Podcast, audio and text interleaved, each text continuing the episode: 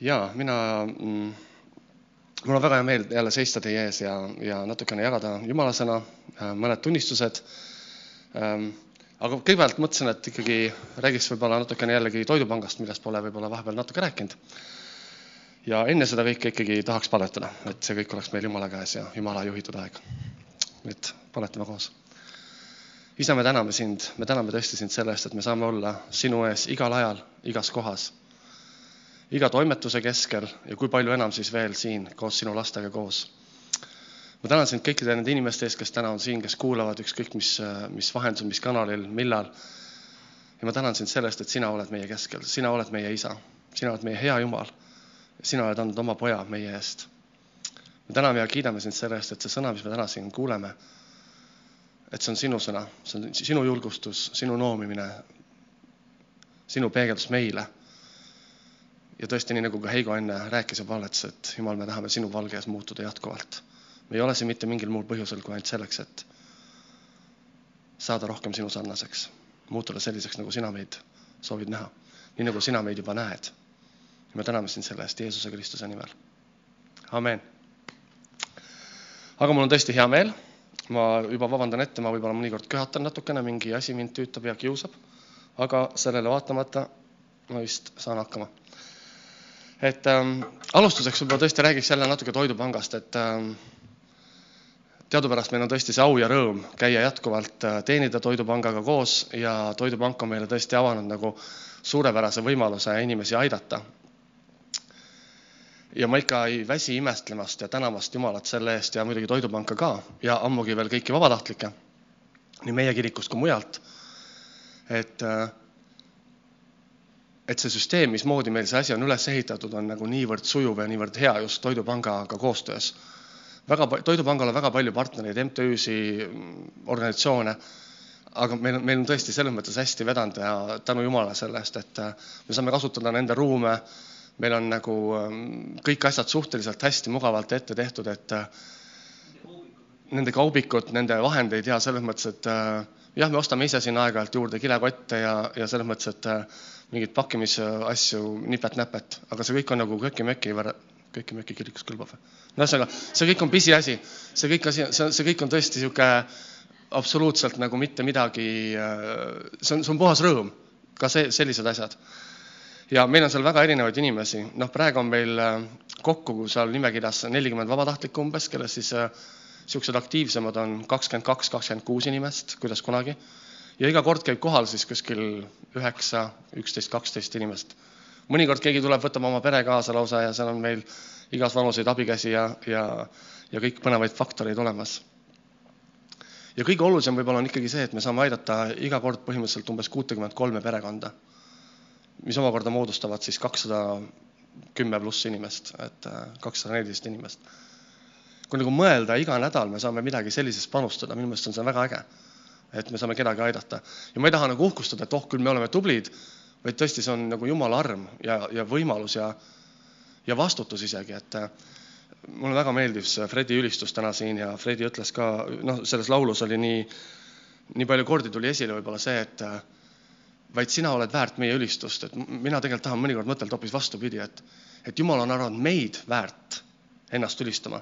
mitte, tema ei ole väärt, see on ilmselge, et tema on väärt, kes siis veel, eks, kui tema aga et on arvanud meid väärt. ja vot noh, samamoodi ülistades Jumala kojas või teenides mõnda oma sugulast, tuttavat, sõpra või ka Toidupangas, nagu me iga nädal teeme. ja tõesti, meie oleme ainult üks väike osa sellest Toidupanga nagu äh, võrgustikust, et seal on väga palju organisatsioone. siis mina võtan küll selle nagu suure vastutuse ja suure eesõiguse ja auna, et äh, see on nagu väga äge ja noh, samas meil on ka väike niisugune juubel juba, et äh, me ju hakkasime seda tegema kakskümmend kaks aasta veebruaris, nii et põhimõtteliselt äh, selle aasta teisel äh, pühapäeval, esmaspäeval sai meil sada korda täis, nii et juhuu, sada korda oleme juba käinud. jah, tänu Jumalale.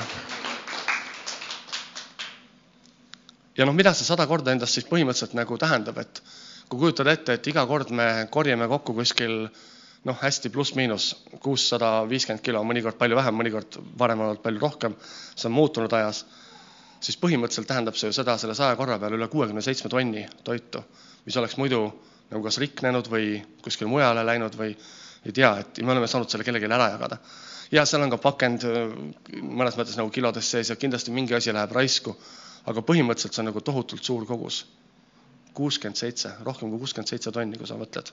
minu meelest on see väga äge ja noh, iga kott, mis me siis nagu inimestele anname, algul me ikkagi püüdsime nii teha, et suurpered saavad kaks kotti ja noh, see ongi niisugune Toidupanga standard. siis kui kilod vähenesid, siis pärast seda me oleme ikkagi andnud valdavalt ühe koti, mõnikord suurema, mõnikord väiksema. ma arvan, et need kotid, noh, hiirid, kes siin tunnevad, hiiri suur musklinimene, kümme kilo kotti ikkagi, et äh, enam-vähem pluss-miinus. minu meelest on see jällegi päris nagu suur asi. ja tõesti, ma ütlen seda nagu täie siira ja alandlikkusega, et äh, et tänu Jumalale sellest ja suur aitäh kõikidele vabatahtlikele ja panustajatele. amen. ja loomulikult me oleme ka võib-olla siin paaril korral ju aidanud veel neid toidukogumiskampaaniatel osalenud ja see on ka nagu väga hea võimalus niisugune olnud. aga veel ma tahaksin kõigepealt natukene nagu anda tunnistust sellest, mis Jumal on teinud ka minu elus ja meie eludes üldse ja, ja julgustada kindlasti ka. ma ei tea, kuidas sina, aga ma nagu pidevalt pean endale meelde tuletama ja tähele panema või juhtima oma tähelepanu sellele, et Jumal teeb iga päev meie eludes imesid. oled sellega nõus? noh, võib-olla sa mõtled, et aga ma ei näe neid imesid ja, ja mina ka alati ei näe. ja siis ma pean jälle juhtima iseenda tähelepanu. Lembituga just enne rääkisime ka, et Lembit jagas, Lembitu jagas oma kogemust autosõidust, kuidas mingi asi juhtus ja, ja oli niisugune ühest küljest võiks öelda, et väga inimlik ja kogemusepõhine napp pääsemine, aga mina ütlen selliste asjade kohta tihti ka, et see on ikkagi nagu jumala arm, kuidas jumal meid päästab ja säästab. mul oli endal ükskord äh, Katriniga sõitsime Lasnamäel, äh, ta on siin Narva maanteelt ja, ja vaatasin minu, noh, see oli just sellesama suure hullu libeduse ajal ja ja vaatasin, et minu ees olev auto nagu pidurdas ja hakkas uuesti sõitma. ja noh, mina ka siis mitte oma just kõige nõrgema autoga vajutasin julgelt gaasi ja ja hakkasin ka juba minema ja siis ma sain aru, et see auto uuesti pidurdas mu ees, sest et seal olid jalakäijad, seal olid teised autod. ja mul ei olnud ka enam mitte midagi teha, et kui ma ei oleks mitte midagi muutnud, siis ma oleks lihtsalt ilusti teinud talle tagantpoolt tervituse. aga noh, ja kuidagi ikkagi tõesti mina loen seda jumala armuks, et kuidagi suutsid säilitada rahu, rahulikult äh, keerasid oma auto teelt kõrvale, sõitsid sinna ähm, nagu noh, lumevalli sisse kõnniteelt, mida enam ei olnud kõnniteena näha aga, aga tõesti, mina pean seda nagu Jumala armuks ja tänuks, tänulik Jumalale selle eest. sest noh, ma ei tea. ja neid asju on nagu nii palju. kui ma mõtlen näiteks eelmise reede peale iseenda elus, siis äh, neljapäeval ma mõtlesin, et huvitav, kuidas ma selle nagu üle elan, mul on hommikul hambaarst, siis on äh, koolitus, kuidas ma sinna jõuan, mismoodi see, teine, kolmas, kuidas ma ennast tunnen. kõik läks suurepäraselt. ja jällegi sa võid nagu iga õhtu ju öelda, et kõik läks suurepäraselt tänu Jumalale ja unustad ära. aga kui sa tõesti nagu saad aru, et see ongi tänu Jumalale, sellepärast et Jumal ta on ju tõotanud oma sõnas, et ta on meiega. ta on oma sõnas ütelnud minule ja sinule, et kui sina ta oma ellu palusid, siis ta ongi sinuga. mitte ainult siis, kui sa tuled pühapäeval kirikusse, mitte ainult siis, kui sa loed piiblit piisavalt palju, oled teiste vastu piisavalt hea, võib-olla käid ka Toidupangas vabatahtlikuna, ei, sa ei pea seda üldse tegema, selleks, et Jumal sinu kõrval oleks. Jumal on alati sinu kõrval, kus sina oled talle avatud. ja see on nagu see, mida mina püüan noh, kui me räägime kasvõi, et meil on uus aasta ja, ja, ja siin on olnud juba jooksnud läbi, et ei pea võib-olla liiga palju andma nagu uue aasta lubadusi ja selliseid asju, et no see võiks olla küll niisugune igatsus, mina leian küll, et meil võiks olla, kui mitte uusaasta lubadused, siis vähemalt uusaasta igatsused, ootused, püüdlused ja plaanid. noh, plaanid, plaanid on ikka head, et teate, mis on ainuke halb plaan? ainuke halb plaan pidi olema see, mida ei saa muuta et mulle see jälle meeldib, et ma arvan, et meil on hea, kui meil on plaanid. see ei tähenda, et me peame nagu silmaklapid pähe panema ja mitte midagi muud tegema. aga me peaksime ikkagi plaanima oma elus väga palju olulisi asju. kui sa mõtled oma elu mingite tähtsate sündmuste peale, sa plaanid seda, sul on kooli lõpetamine, sul on lapse kooli lõpetamine, sa plaanid neid sündmusi. alati kõik ei lähe nagu tahad. aga miks me oma elus mõnikord siis ei taha selliseid asju teha? ja kui me mõtleme selle kaks tuhat kakskümmend neli aasta peale, siis üks hea ootus või igatsus võiks tõesti olla see, et me märkaksime seda, kuidas Jumal meie eludes tegutseb ja annaksime temale selle eest nagu au. tõesti tunnistaksime seda, mis Jumal suurepäraselt meie elus on teinud. Ehm, ja noh, teine võib-olla niisugune suurem tunnistus, millest ma nagu mõtlesin ka täna kaks sõna jagada, kaks sõna, on, on see, et äh, kuidas Jumal nagu mõnikord ei hoiata, aga mõnikord hoiatab ette ja, ja mõnikord annab ette teada ja, ja ma arvan jällegi Jumal, see on Jumala tarkus. kuidas ta meid nagu juhib. loomulikult on hästi palju sõltub sellest, kuidas me laseme ennast juhtida. aga nii palju on ka ikkagi see, et, et ta teab, mis on meile parim, ta teab palju paremini, mis on meile parim, kui meie seda teame. Ähm, ma olen töötanud nüüd neliteist aastat äh, Swedbankis ja minu aeg hakkab seal läbi saama, õigemini tegelikult mul on seal jäänud kümme päeva. ja, ja see on tegelikult hästi hea uudis selles mõttes, et äh, see ei ole üldse halb uudis et äh, ja ma võtan seda täiesti siiralt, sellepärast et ma juba teadsin ette, et see nii juhtub ja ja, ja nii ongi, et selles mõttes, et äh, ma olen töötanud seal neliteist aastat kolme erineva ameti peal. põhimõtteliselt viis tuhat ükssada seitsekümmend neli päeva, rääkides antsu keeles, eks ju. Ja, ja kui mõtelda töötundi, siis natuke üle kahekümne kolme tuhande töötunni või noh, kahekümne kolme poole tuhande töötunni, et äh, pluss veel igasugused vabatahtlikud rollid ja kõik asjad. ja, ja ma siiamaani mäletan, et kui ma läksin Swedbanki, ma läksin sinna selle teadmisega, et ma olen seal kaks-kolm aastat, et noh, saab CV-sse nagu okei okay märke sisse, et ikkagi Swedbankis töötasid. ja nüüd on järsku neliteist aastat möödas, paar korda silma pilgutanud ja oledki kõik, et aga mul on tõesti väga suur tänulikkus Jumalale ja, ja ma arvan, et see, see muutus, mille tõttu minu töö seal lõpeb, on nagu hästi positiivne. see ei olnud otseselt minu poolt initsieeritud, aga, aga kaudselt mõnes mõttes ikkagi oli ka ei võta ai üle, lihtsalt ümber or, organisatsioon, väga hea küsimus, ai ei võta üle, ehk siis artificial tehisintellekt ei võta minu tööd üle. see on organisatsioonilised äh, ümberkorraldused, mis on hästi mõistlikud ja mida ma ise nagu ma ütlen mõnes mõttes nagu ammu juba soovitasin või teadsin, et äh, ma olen siin paljudele ütelnud ka, et juba siis, kui ma kuus aastat tagasi selle konkreetse ameti vastu võtsin, siis minu jaoks oli kohe see ametikoht nagu ettevõttesiseselt nagu ajutine. ta tundus mulle ajutine, see oli niisugune vahejuht mis minu meelest nagu ei ole liiga jätkusuutlik, et äh, asjad peaksid paremini paika loksuma ja, ja tänaseks nad on tõesti paika loksunud. aga mis, mis on selles kõiges nagu minu jaoks tunnistus, ongi see, et, et ma teadsin seda ette oma südames, üks mees prohveteeris mulle, et äh, ma saan uue töökoha ja mul täna ei ole veel uut töökohta, aga ma tean, et see on olemas. ja ma tean, et Jumal varustab, Jumal annab head lahendused. ja mul on tõesti rahu südames ja, ja kui ma olen rääkinud sellest inimestega, siis nad tihti ka kuulavad ja mõtlevad, et kas sa siis nagu muretsed hästi palju või? ma ütlen, ma tõesti ei muretse. ma kristlasena ei muretsegi, mitte sellepärast, et ma olen ükskõikne, vaid sellepärast, et ma olen teadlik, ma tean, ma usaldan Jumalat. et see on kindlasti asi, mis ju eristab. see ei ole see, et, et ühes äärmuses on see muretse ennast halliks, juuksed halliks, noh, mida mul ilmselgelt ei juhtu, või teine on see, et, et ma olen nagu hästi ükskõikne kõige suhtes, et ma ei ole kumbagi neist kahest. ma olen siiralt tänulik sellele, selle eest, mida ma olen saanud seal ettevõttes teha kas ma olen alati teinud paremini, äh, nagu kõige paremini, paremini, tõenäoliselt mitte, oleks saanud kindlasti paremini veel teha. üldse mitte nagu liiga hüpoteetiliselt, vaid sõna otseses mõttes oleks saanud paremini teha. Aga ma tean, et Jumalal on mingi plaan ja ma tean, et see toimib, see saab, see saab juhtuma, nii et äh, see on põnev aeg minu elus. kas firma teeb oma firma? võib-olla firma teeb oma firma, aga ma ei tea, selleks Ehm, peaks olema nagu üks hästi oluline asi, et teha oma firma, et äh, selleks peaks olema mingi idee. ma olen selles mõttes nagu ajuvaba või ideedevaba praegu veel. aga, aga vaatame, see kõik võib muutuda, et jällegi kõik tuleb omal ajal ja üldse ei välista. Ei, ei välista mitte midagi, et selles mõttes, et äh, ma tean, ma tean jällegi, ma ei aja asju nagu jumala peale, et oh, jumal hoolitseb kõigest ja nagu ei loo niisugust võltsalandlikkust, vaid, äh, vaid see rahu on mul südames ja ma tean, et ma saan just selle, mis on nagu minu jaoks õige. järgmine samm nii et tänu Jumala selle eest. ja võib-olla jällegi, mis mulle annab seda kindlust nii palju juurde ja mille koha pealt ma tahaksin eriti just täna sind siin julgustada ka. jällegi natukene sinna uusaasta lubaduste nagu nurka või kategooriasse. loe Jumala sõna.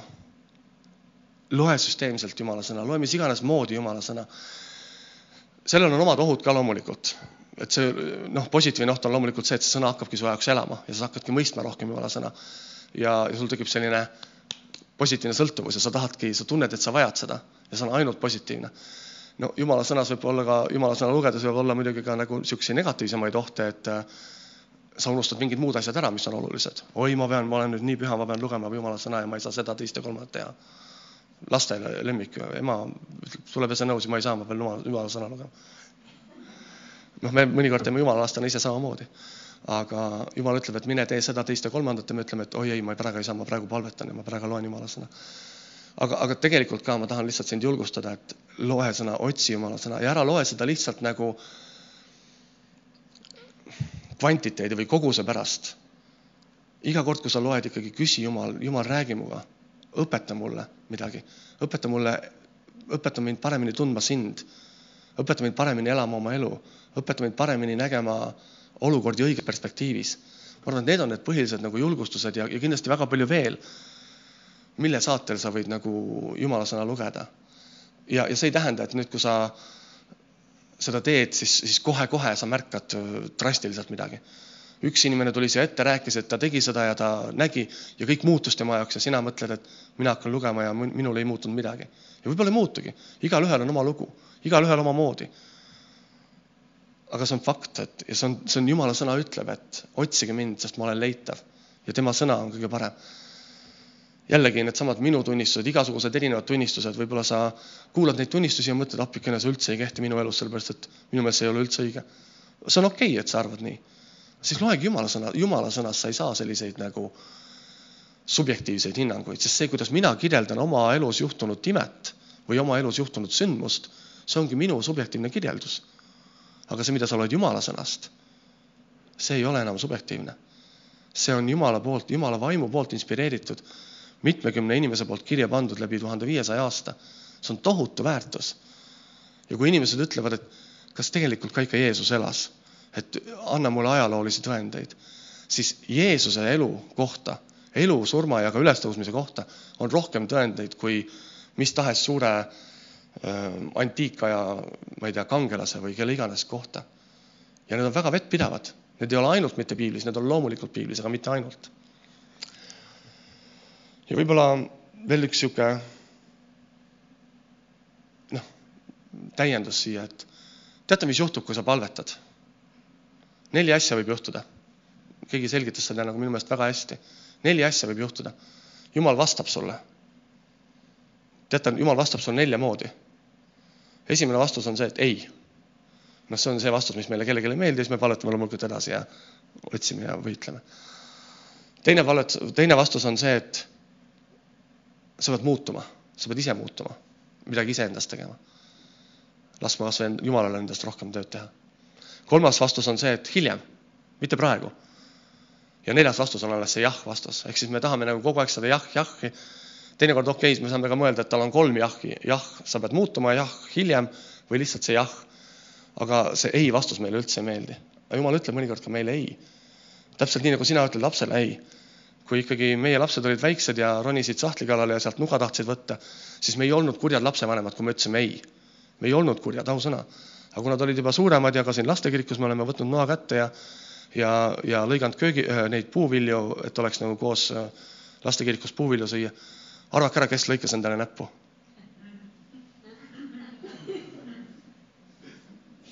igal asjal oma aeg. tihti nii, nii see on. see meile ei meeldi, aga see on kahjuks Jumala põhimõte selles mõttes nagu irooniliselt öeldes kahjuks. jällegi loomulikult ei ole ta mitte kahjuks, vaid ta on meie kaitseks, Jumala põhimõte. väga tihti. ja, ja lisaks noh, lugemisele, Jumala sõna lugemisele just ma tahaks võib-olla tuua ka veel teise üleskutse. ma tõesti siiralt loodan, et meile siia varsti jõuab üks täiendav lipp veel, et, et see on Iisraeli lipp, et see on minu meelest nii võimas ja nii vägev, mis Jumal on rääkinud Iisraeli rahva kohta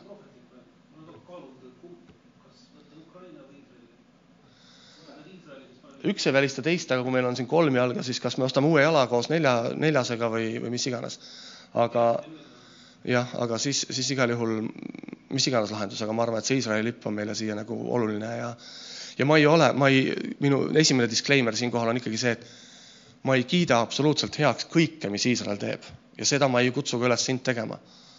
küll aga, kui sa vaatad nagu seda meediavaadet tihti, noh, tänaseks võib-olla seda on jälle natukene vaibunud aga siis oli väga sihuke Iisraeli noh, et mitte öelda vaenulik, siis et Iisraeli kriitiline, pehmelt öeldes. tegelikult oli ta ikkagi üsna-üsna vaenulik Iisraeli suhtes. ja Hamasi suhtes, noh, ma ei hakka üldse rääkima, kes siis Hamasi õiguste eest võitlesid ja nii edasi. et võib-olla sellele ma täna keskenduda ei taha, küll aga ma tahan lihtsalt äh, keskenduda sellele, mida ütleb Jumala sõna selle kohta. ja esimese Moosese raamatus ütleb Jumala sõna väga selgelt. Siis ma õnnistan neid, kes sind õnnistavad panen vande alla selle, kes sind neab ja sinu nimel õnnistavad endid kõik suguvõsad maa peal. see oli siis esimese Moosese kaksteist kolm. ja samasugused kirjakohad on järjest äh, esimese Moosese raamatus nagu mitu korda. ja nad ütlevad jälle, ja sinu soo nimel õnnistavad endid kõik maailma rahvad. loen katkendeid siis esimese Moosese kakskümmend kaks, kaheksateist. esimese Moosese kakskümmend kuus, neli ütleb ja sinu soo nimel õnnistavad endid kõik maailma rahvad. kakskümmend kaheksa, neliteist ütleb su soo nimel õnnistavad endid kõik maailma suguvõsad. ehk siis uuesti ja uuesti ta ütleb seda nagu mitu korda tõotuses. ja kui te mäletate niisugust meest isegi, keda kutsuti Iisraeli needma, Piileam oli tema nimi ja, ja hiljem võib-olla piibel jääb natukene meie jaoks segaseks, et lõpuni ära mõista, mis selle Piileamiga lõpuks ikkagi siis juhtus või toimus. Aga ka tema, kes ta kutsuti Piile äh,, Iisraeli nagu needma, ütleb, õnnistatud olgu, kes sind õnnistavad ja noh, tegelikult ütleb teistmoodi veel, ärge unustage, neetud on need, kes sind neavad. ja seda ütleb kõikides nendes neljas kirjakohas, vabandust, viies. kõikides nendes viies kirjakohas. et ma alati mõtlen, et, et see riik või see rahvus, kes nagu on just nagu pealiskaudselt kriitiline, selles mõttes pealiskaudse info alusel siiralt kriitiline või siiralt nagu vastu Iisraelile, siis ta tegelikult ju tõmbab iseendale nuhtlust kaela võib-olla mitte täna, võib-olla mitte homme ja ma ei taha ähvardada, et küllap ükskord tuleb aeg. see ei ole minu öelda, seda ütleb piibel ja mitte ühes kirjakohas, ta ütleb seda mitmes kohas. noh, kumba sina valiksid, õnnistuse või needuse? no ilmselgelt õnnistuse. miks siis mitte? ja jällegi, ma ei taha öelda, et kõik tuleb heaks kiita, mis Iisrael teeb. ma tahan lihtsalt öelda seda, et minu, minu selge veendumus on see, et neil on absoluutne õigus oma enda riigile. ja seal on nagu kahtepidi arvamust ju. Iisraellased ütlevad ammu, et hea küll, nii kui Palestiina paneb või nii kui see Hamas paneb oma relvad maha, nii tekib kaks riiki, ehk siis tekib Palestiina riik. Ja see on Iisraeli jaoks okei. Okay.. kui see on Iisraeli jaoks okei okay,, kes olen mina, et öelda vastupidi, okei. Okay.. aga kui paneb Iisrael oma relvad maha, siis järgmisest päevast ju põhimõtteliselt Iisraeli enam ei oleks piltlikult öeldes, noh, mitte järgmisest päevast, aga sellepärast, et Hamas ja, ja kõik need ümbritsevad riigid on ju võtnud endale ikkagi täieliku enda jaoks nagu püha ja siira eesmärgi Iisraeli hävitada, sest nende jaoks on see ju jama.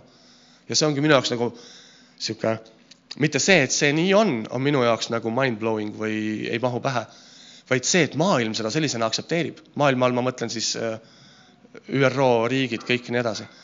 ja olete võib-olla kuulnud ka seda slogani, et from the river to the sea, Palestine will be free. No mida see, see tähendabki ju seda, et siis ju Iisraeli riiki enam ei oleks, kui ta oleks nagu ühest jõest kuni Vahemereni, eks ju, et et selles mõttes minu üleskutse ei ole täna mitte tõesti sind äh, suunata sotsiaalmeedia, ma ei tea, poliitikasse või, või seda, vaid lihtsalt, et õnnista Iisraeli, see on sinule hea. kui sa näiteks mõtled oma elu eesmärkidele, kui sa mõtled oma elu asjaajamistele, toimetamistele, ära unusta Iisraeli, miks mitte, sest see on ju nii lihtne täiendus. See on nii lihtne nagu soola panemine toidule, minu jaoks vähemalt. nii et see oli minu selline üleskutse aga nüüd räägime võib-olla natukene siis rohkem ka niisugusest äh, meie kui kristlased, et me tuleme siia kogudusse, me, ma ei tea, kuidas sa tuled, naudid sa enamasti siin olekut või? aga samas, kui sul on liiga mugav, siis ei ole ka see hea, et vaat seal taga on tugitoolid, siin on valitud inimesed on valinud mugavad tugitoolid. et kui teil on liiga mugav ja ma ei mõtle sõna otseses mõttes toolidel, ma mõtlen ikkagi enamasti loomulikult piltlikult. kui sul on kirikus ka ikkagi liiga mugav, siis, siis tõenäoliselt on midagi nagu kas midagi on puudu? mina julgen arvata, et midagi on siis puudu ikkagi, kui, kui sul elu läheb kirikus liiga mugavaks. teate, mis on mugavuse probleem? mugavuses tegelikult ei toimu kasvamist. kui sa hakkad mõtlema, millal sinu elus toimusid mingid noh, nagu hüpped edasi arengus äh, uued väljakutsed, siis see oli kui ebamugavustsoon. tegelikult kasvamine, edenemine toimub ebamugavustsoonis, mitte mugavustsoonis loomulikult me vajame mugavustsooni, me vajame seda, et puhata. me vajame kõike seda ilmselgelt. aga see ei tohiks olla meie nagu taotlus, niisugune püsiv staatus peab kogu aeg olema mugav. ei pea. ma võin teile öelda omast kogemusest praegu, eriti kümne päeva, kümne päeva pärast, minu elu ei ole just liiga mugav selles mõttes, et aga see on, see ongi, see sunnib mind, see on ka minu jaoks ju jätkuv kutse, üleskutse ja tegelikult sedasama üleskutset ma tundsin juba eelmise aasta poole pealt endas, seda otsimist, miski hakkas minu sees nagu üles äh, nagu õhutama või julgustama seda, et ma otsiksin rohkem Jumalat just oma elu järgmise sammu osas.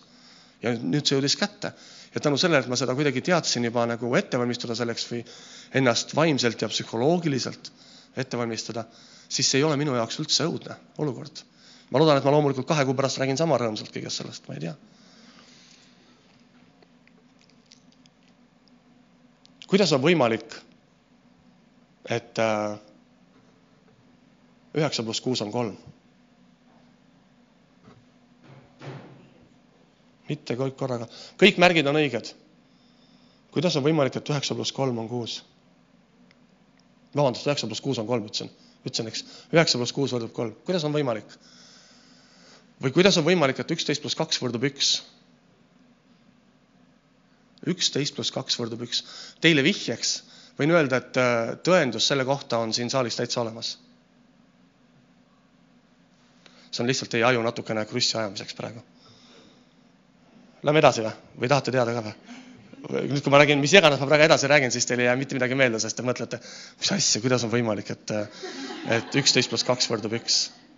Ja siis lähte koju ja küsitakse, millest räägiti. üksteist pluss kaks võrdub üks. mingi ajuvabadus, see on mingi, absoluutselt, vastus on siin seina peal. üksteist pluss kaks võrdub üks. see oli lihtsalt natukene, et kastist välja mõtleksite, kes ütles kell? tubli viis, võta kolm punkti ja pärast ekstra magustoit. samamoodi, üheksa pluss kuus võrdub kolm. üheksa, paned kuus otsa, on kolm. üksteist pluss kaks võrdub üks. see oli ka vihje, et kell üks me oleme done. aga tegelikult äh, lähen tagasi kannatustele, sellel ei olnud nagu suurt seost täna minu ütlusega, see oli lihtsalt teie natukene korraks äratamisega. Pauluse teine kiri Timoteosele, kolmas peatükk ma ei tea, ma olen sellest kindlasti ka varem rääkinud, aga see on minu üks kuidagi nagu mingil ajal, kui ma olin üsna noor kristlane, sai minu niisuguseks nagu, ma ei ütle, et lemmikkirjakohaks, aga väga toetavaks, julgustavaks kirjakohaks. ja see salm loomulikult, millele ma praegu vihjan, on äh, kaheteistkümnes salm. ma mäletan, mul oli kunagi üks moodne kohver, mille kood mul isegi oli kolm kaksteist. sellepärast, et äh, teise Timotese kolm kaksteist oli see kirjakoht. ja siin ütleb nii, ja kõik, kes tahavad elada jumalakartlikult Kristuses Jeesuseks, Kristuses Jeesuses, kiusatakse taga et tulles tagasi nüüd meie mugavustsooni juurde, et kui mugav meil ikka kirikus peaks olema tegelikult. Kui mugav piibel ütleb, et meil peaks olema kristlastena, kui, kui ainult hea ja ainult positiivne meie elu kristlastena peaks olema. noh, tegelikult ei peagi olema liiga mugav ja liiga hea, sest piibel ütleb selgelt, et kõik, kes tahavad elada Kristuses Jeesus Jumala kartlikult. kas siin on keegi, kes tahab elada Jeesus Kristuses Jumala kartlikku elu? mina tahaks ka. ja piibel ütleb, kiusatakse taga. loomulikult, kui lugeda neid eelmisi salme siis Paulus ka kirjeldab, nagu räägib oma katsumustest ja võib-olla me ei hakkagi praegu seda liiga palju üldse siin detailides vaatama, aga siin räägib nagu väga oluliselt just sellest, et et see on loomulikult seotud ka ikkagi selle evangeeliumi kuulutamisega. meie kui kristlasena, meie ülesanne on ju ikkagi olla valguseks maailmale.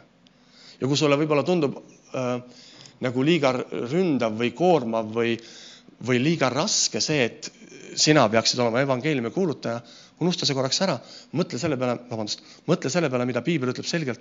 sa pead olema maailma valgus, maailma sool. ja kui sa ka see tahad olla, tahad sa olla maailma valgus, maailma sool? mina küll tahan. siis ta ütlebki, et sind kiusatakse taga ja see on, ma ei ütle, et see on normaalne, ma ei ütle, et see on, mõnes mõttes see on möödapääsmatu. normaalne on üldse ülehinnatud, aga see on möödapääsmatu. aga ma loen siit mõne kirjakoha, mõne salmi veel edasi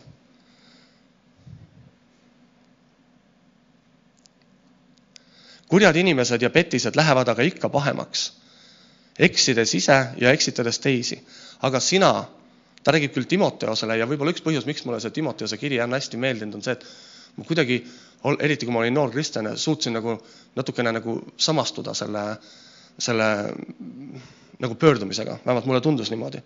aga sina püsi selles, mida sa oled õppinud ja usaldanud, teades, kelle käest sa oled õppinud. ehk siis jällegi, kui ma tulen tagasi selle Jumala sõna lugemise juurde, võib-olla ka koguduse toe juurde, tema viitab sellele loomulikult, et Paulus ise on teda õpetanud, eks, aga meil, meil on terve Jumala sõna. meil on terve õpetus koguduses, vähemalt niimoodi me usume ja tahame siiralt järgida. teades, äh, vabandust, aga sina püsi selles, mida sa oled õppinud ja uskunud. ja siis ta ütleb viieteistkümnes salm, ja kuna sa tunned lapsest saati pühikirju, mis võivad sulle tarkust anda päästeks usu kaudu, mis on Kristus Jeesuseks. jällegi, need ei päästa, aga need annavad sulle, kuidas ta ütleb seal, sulle tarkust anda päästeks usu kaudu. see on, see on varandus. kui maailm räägib tihti sellest, et mis on oluline ja kus on edu oluline ja mida saavutada ja kuidas karjääri teha ja, ja mis iganes elu eesmärk ja kus reisida.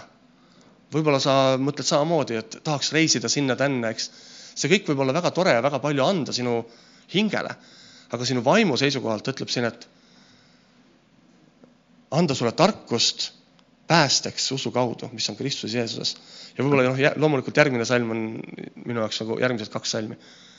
kogu pühakiri on ikkagi Jumala sisendatud. jällegi, kui ma räägin sellest, et miks Jumala sõna lugeda, sellepärast et kogu pühakiri on Jumala sisendatud ja kasulik õpetamiseks, noomimiseks, parandamiseks, kasvatamiseks õiguses. mitte ainult paitamiseks, mitte ainult kiitmiseks, aga parandamiseks, noomimiseks ka et Jumala inimene oleks täiesti varustatud ja valmis igale heale teole.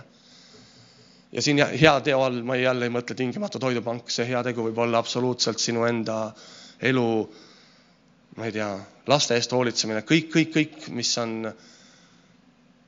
ütleme siis kasvõi välistame, et mis on mitte halb, ehk siis hea. Et Jumala inimene oleks täielik, et mina ja sina, me oleksime varustatud. amen Make ib sense'i, jõuab kohale? jah, siis on hea. Ilmar teeb trahvi mulle, õnneks äh, maksan kõik ära, mis teha, tuleb, tuleb nõustuda. veel ei tule. aga mul on tänaseks veel üks märksõna tegelikult, millest ma tahan rääkida. Kaksteist, peate vastu veel natuke aega? ja see märksõna on silmakirjalik. ma arvan, et see võib olla ka nagu meie jaoks vähemalt mingeid tundeid tekitab ähm,. positiivseid, negatiivseid ja nii edasi. piibel räägib tegelikult äh, silma või mainib silmakirjalikkust kahekümne seitsmel korral. Enamus neist on Uues Testamendis, ainult üks kirjakoht oli Vanas Testamendis äh,, kus on nagu sõna silmakirjalikkus, vähemalt eesti keeles. Ingliskeelsest ja kreekakeelsest tuleb siis kuskilt sealt hypocrisy või hypocrisy, kuidas iganes rõhutada ja mõtlesin, et vaatan siis ka nagu mingisuguseid mm, laialt tunnustatud, aktsepteeritud allikaid nagu Vikipeedia. silmakirjalikkus niisuguste vaadete, omaduste või tunnete omamise teesklus, mida tegelikult inimesel pole. tundub loogiline? silmakirjalikkuse väljendamist nimetatakse silmakirjatsemiseks, silmakirjalikku inimest silmakirjatsejaks või silmakirja teenriks noh, ilmselgelt me teame, kust need tulevad, eks ju, eks nad on ikkagi, tulevadki piibli taustaga. ja siis on veel teine tore allikas, mida minu meelest äh, Regina mulle ka aeg-ajalt kunagi on ette visanud. Eesti keele seletav sõnaraamat aastast kaks tuhat üheksa ütleb, tema ütleb natuke võib-olla isegi lihtsamalt ja konkreetsemalt, ütleb märksõnad. teeskleb, vabandust, teesklev, ebasiiras, võlts.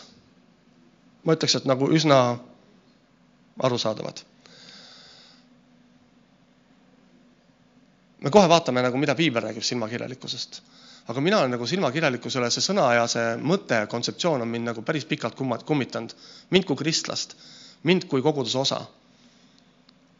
Kui sa nüüd korraks mõtled, paned silmad kinni või ei pane silmad kinni, vahet ei ole, siis sulle kindlasti assotsieerub miski olukord või keegi inimene. sulle võib, ja sellest ei ole mitte midagi hullu, sulle võib ka assotsieeruda selline inimene, keda sa peeglist näed vähemalt minule assotsieerub aeg-ajalt. ma ei tea, kuidas sina, oled sa tundnud ennast silmakirjatsejana, silmakirjatsejana? mina küll olen tundnud. Ja isegi siis, kui ma vahest ei tunne ennast tingimata silmakirjatsejana, siis mul on tunne, et teised arvavad, et ma olen silmakirjatseja. on sul niimoodi mõnikord olnud? võib-olla see olen ainult mina. no miks see nii on? kes üldse on see inimene, kes ütleb, et mis asi või milline olukord või milline inimene või milline käitumine oli silmakirjalik. tuleb sul võib-olla meelde mõni konkreetne olukord, millal sina ise kas käitusid silmakirjalikult või, või sa tegid, see inimene oli praegu täiesti silmakirjalik. ehk siis teisisõnu, kuidas ta siin ütles, teesklev, ebaviisaka, vabandust, teesklev, ebasiiras või võlts. Hello, how are you? ja me ütleme ameeriklaste kohta, et see on nagu võlts. aga võib-olla see ei ole võlts alati võib-olla see on nende omane, võib-olla see ja võib-olla see on enesestmõistetav nendele, võib-olla nad ei mõtlegi midagi sealt suurt taga, aga see sellepärast on võlts? See on viisakus. kas see on siis ebasiiras? ei, võib-olla see ei ole ebasiiras. meil on aeg-ajalt selline mulje, et kui keegi teine, keegi teine inimene teeb midagi, mis otsekui meie arvates ongi noh, ütleme siis ebasiiras või võlts või teesklev, siis me nagu tingimata kohe leibeldame, et ah, tema on või see olukord või see käitumine on nüüd silmakirjalik. ja ma mõtlen, et äh, minu kui jumala lapse seisukohalt niimoodi kellegist mõelda on tegelikult äärmiselt ülekohtulik. ma ikkagi ei väsi kordamast seda, mida ma olen nii mõnelegi inimesele ütelnud, et kui mina ühel päeval seisan Jumala ees, sama kehtib sinu kohta, kui sina ühel päeval seisad Jumala ees, Jumal ei küsi sult mitte midagi kellegi teise kohta. ta võib küsida sinult, kuidas sa temasse suhtusid või mis sa temale tegid, halba või head, aga ta ei küsi mitte midagi selle inimese kohta. Jumal ei küsi minu käest, miks Urmas niimoodi käitus miks Riina midagi niimoodi tegi või miks Regina nii ütles. ta küsib minu käest, miks mina nii tegin. noh, kui küsib, me ei tea täpselt, milline see on, aga me kujutame ette. et kui me Jumala ees seisame, siis me anname vastust, me kõik oleme tuttavad selle kontseptsiooniga, et me anname Jumala ees vastust. aga Jumal ei küsi sinu käest mitte sinu naabri kohta, mitte selle kohta, millise autoga sõitis, millise majaga ta, millises majas ta elas, milline oli tema äh, laps või kaasa või kes iganes. jumal küsib ainult sinu kohta. ja samamoodi tegelikult täna siin elades. miks see silmakirjalikkus meile nii palju nagu mõnikord korda läheb? no jällegi osaliselt sellele vastab ka piibel, et kui me loeme Matteuse evangeelium.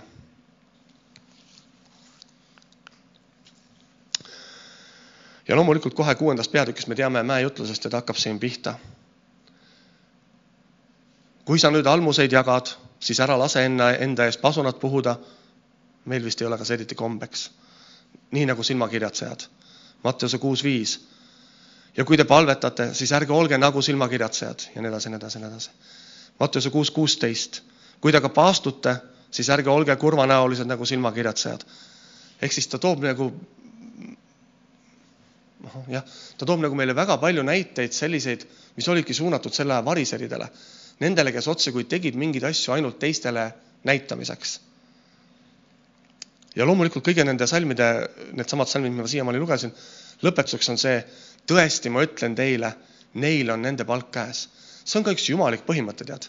jumalik põhimõte on see, et kui sa teed midagi head, ära tee ainult nendele, kes sulle vastu teevad, sest siis on täpselt nii, nagu ta ütleb siin, siis teil on see palk käes. see on jumalik põhimõte, et me ei teeks ainult niimoodi jumal ei ütle, et anna andeks ainult siis, kui sulle antakse andeks. vastupidi, ta ütleb, anna andeks sina, me kõik teame tähendamissõna sellest halvast sulasest, kes sai tohutult suurelt andeks ja kes ise ei andnud andeks.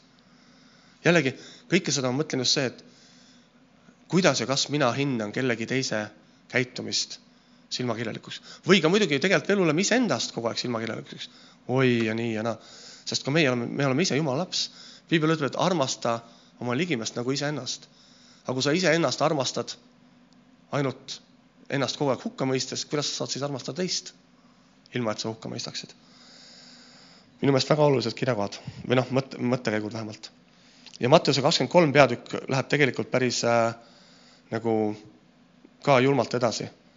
kakskümmend kolm, kolmteist, aga häda teile, kirjatundjad ja variserid, te silmakirjatsejad.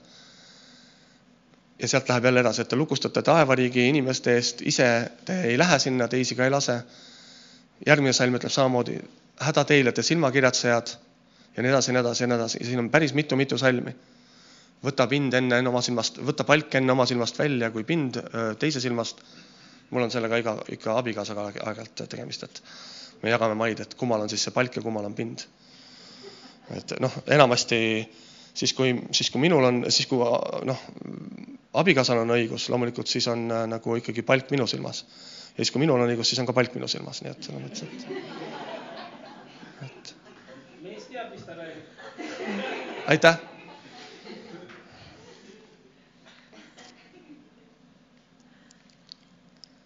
aga see silmakirjatsemine nagu äh, noh, piibel räägib ka tegelikult ju, et see, selles, see ei läinud mööda Peetrusest. see Galaatia kirjas räägib, ei läinud meel, mööda nii mõnestki veel, et äh, noh, ma ei taha seda teemat üldse nagu üle dramatiseerida, ma tahan lihtsalt äh, juhtida sellele tähelepanu, et me ei vaevuks.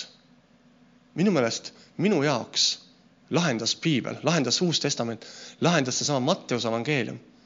Need kakskümmend kuus kirja kohta, mis on Uues Testamendis, minu jaoks need lahendasid nagu olukorra tähtsa ära. me ei pea kellegi teise käitumist hindama. me ei pea püüdma hinnata, millised olid tema motiivid. Me ei pea otsima iga käitumise taga mingit varjatud agendat, mõtet. me ei pea alati otsima midagi ridade vahelt, kui ma praegu räägin siin, ära mõtle, et vabandust, ära mõtle, et ahah, ta kindlasti räägib minust, sest mul oli see või teine kolmas. ei, ma ei räägi sinust, ma räägin sellest, kes on sinu kõrval, nagunii, onju. see teema võikski olla meil lahendatud ja me ei peaks kunagi vaevama ja minu meelest meie pastorid Heigo ja Janek on alati nagu selles mõttes tohutult hästi siin esindanud meie kogudust kui osa Kristuse ihust, püüdmata hinnata, anda arvamust kellegi teise koguduse Kristuse ihu osa käitumise kohta see ei ole meie ülesanne. jumal küsib minu käest minu kohta, jumal küsib sinu käest sinu kohta. oled sa sellega nõus siiamaani enam-vähem?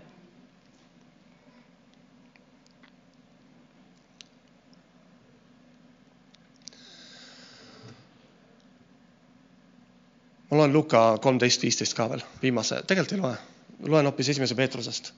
ma arvan, et see on nagu viimane kirjakoht üldse Uues Testamendis sellesama silmakirjalikkusega ja, ja, ja ma loen selle just sellega, et, et see ei lõppe seal. see on siis esimese Peetruse teine peatükk ja esimene salm ütleb nii. pange siis maha kogu kurjus ja kogu kavalus ja silmakirjatsemine, kadestamine ja mis tahes keelepeks. jällegi see silmakirjatsemine minu meelest on päris hästi ära ühendatud ja seotud teiste, teiste nagu variantidega siin. ja see, kuhu ma tegelikult tahan nüüd jõuda ja see, mida ma ka olen kindel, et Jumal meile täna kõigile ütleb, ta ei ütle ära ole silmakirjatseja, punkt, vaid ta ütleb, et ole. ja mis ta siis ütleb, et ole? ja kui me hüppame siit mõned salmid edasi, üheksas salm ütleb, teie aga olete valitud sugu, kuninglik preesterkond, püha rahvas. Tead, sa võib-olla tulid alles alfakursuselt, sa võib-olla oled alles saanud päästetud. piibel ütleb Jumala laste kohta niimoodi Teie olete valitud sugu, ta ei ütle seda nende kohta, kes said päästetud üheksakümnendatel või kahe tuhandendatel või, või vähemalt äh, neli-seitse aastat tagasi või mis iganes aastat tagasi, ta ütleb talle jumala laste kohta. Peetrus, ma kohe jõuan sinna tegelikult, aga ma loen seda salmi ikkagi lõpuni uuesti. Teie olete valitud sugu, kuninglik preesterkond, püha rahvas, omandrahvas, et te kuulutaksite tema kiidetavust, kes teid on kutsunud pimedusest oma imelisse valgusesse. jällegi siin on see valguse teema, siin on see kuulutuse teema, kõik on olemas. ja nüüd sa mõtled, et aga see on ju Uus Testament, see on nagu kirja pandud ammu-ammu-ammu. aga kui me vaatame, kellele Peetrus tegelikult kirjutas selle kirja ammu-ammu-ammu, siis lähme tagasi korraks esimese Peetruse üks, üks ja siin ütleb nii. Peetrus, Jeesuse Kristuse apostel, Pontoses, Galaatias, Kapadookias, Aasias Bitüünias ja Estonias hajevil elavatele majalistele, kes on valitud Jumala Isa etteteadmise järgi, vaimu pühitsemise läbi Jeesuses Kristuse, Jeesusele Kristusele. siin on võib-olla nii palju sõnaühendeid, et see läheb meil natuke võib-olla lappama ja selle peale me praegu ei, liiga palju ei keskendu. Aga mõte oli see, et see kiri ei olnud suunatud ainult, ma ei tea, Jeesuse jüngritele, nendele, kes teda täpselt teadsid, nendele konkreetselt rahvusele.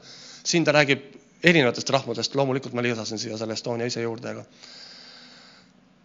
Aasias ja, ja seal ja, ja noh, minu meelest, mis ongi nagu hästi äge evangeeliumi seisukohalt ka üldse, et ja mõteldes jälle kogu seda pilti, et kuidas osa maailmast tahab nagu Iisraeli riiki hävitada ja või, või mitte tahab hävitada Iisraeli riiki, aga nende jaoks on see väga okei okay,, kui ühed hävitavad Iisraeli riigi või noh, mitte seista Iisraeli riigi eest ja mõtelda, et kogu see meie lääne kultuur ja ühiskond on tegelikult ju rajatud puhtalt sellele samale sõnale, mida me täna loeme.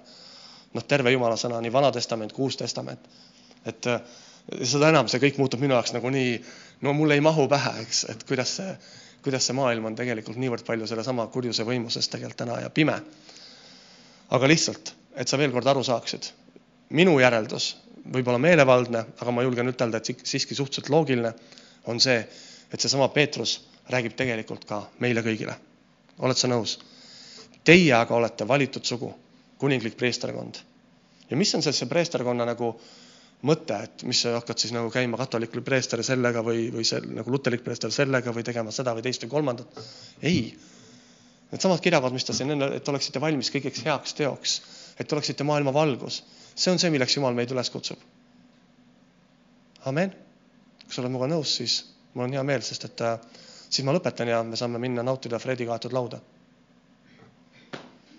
amen, sellega ma tänaseks lõpetangi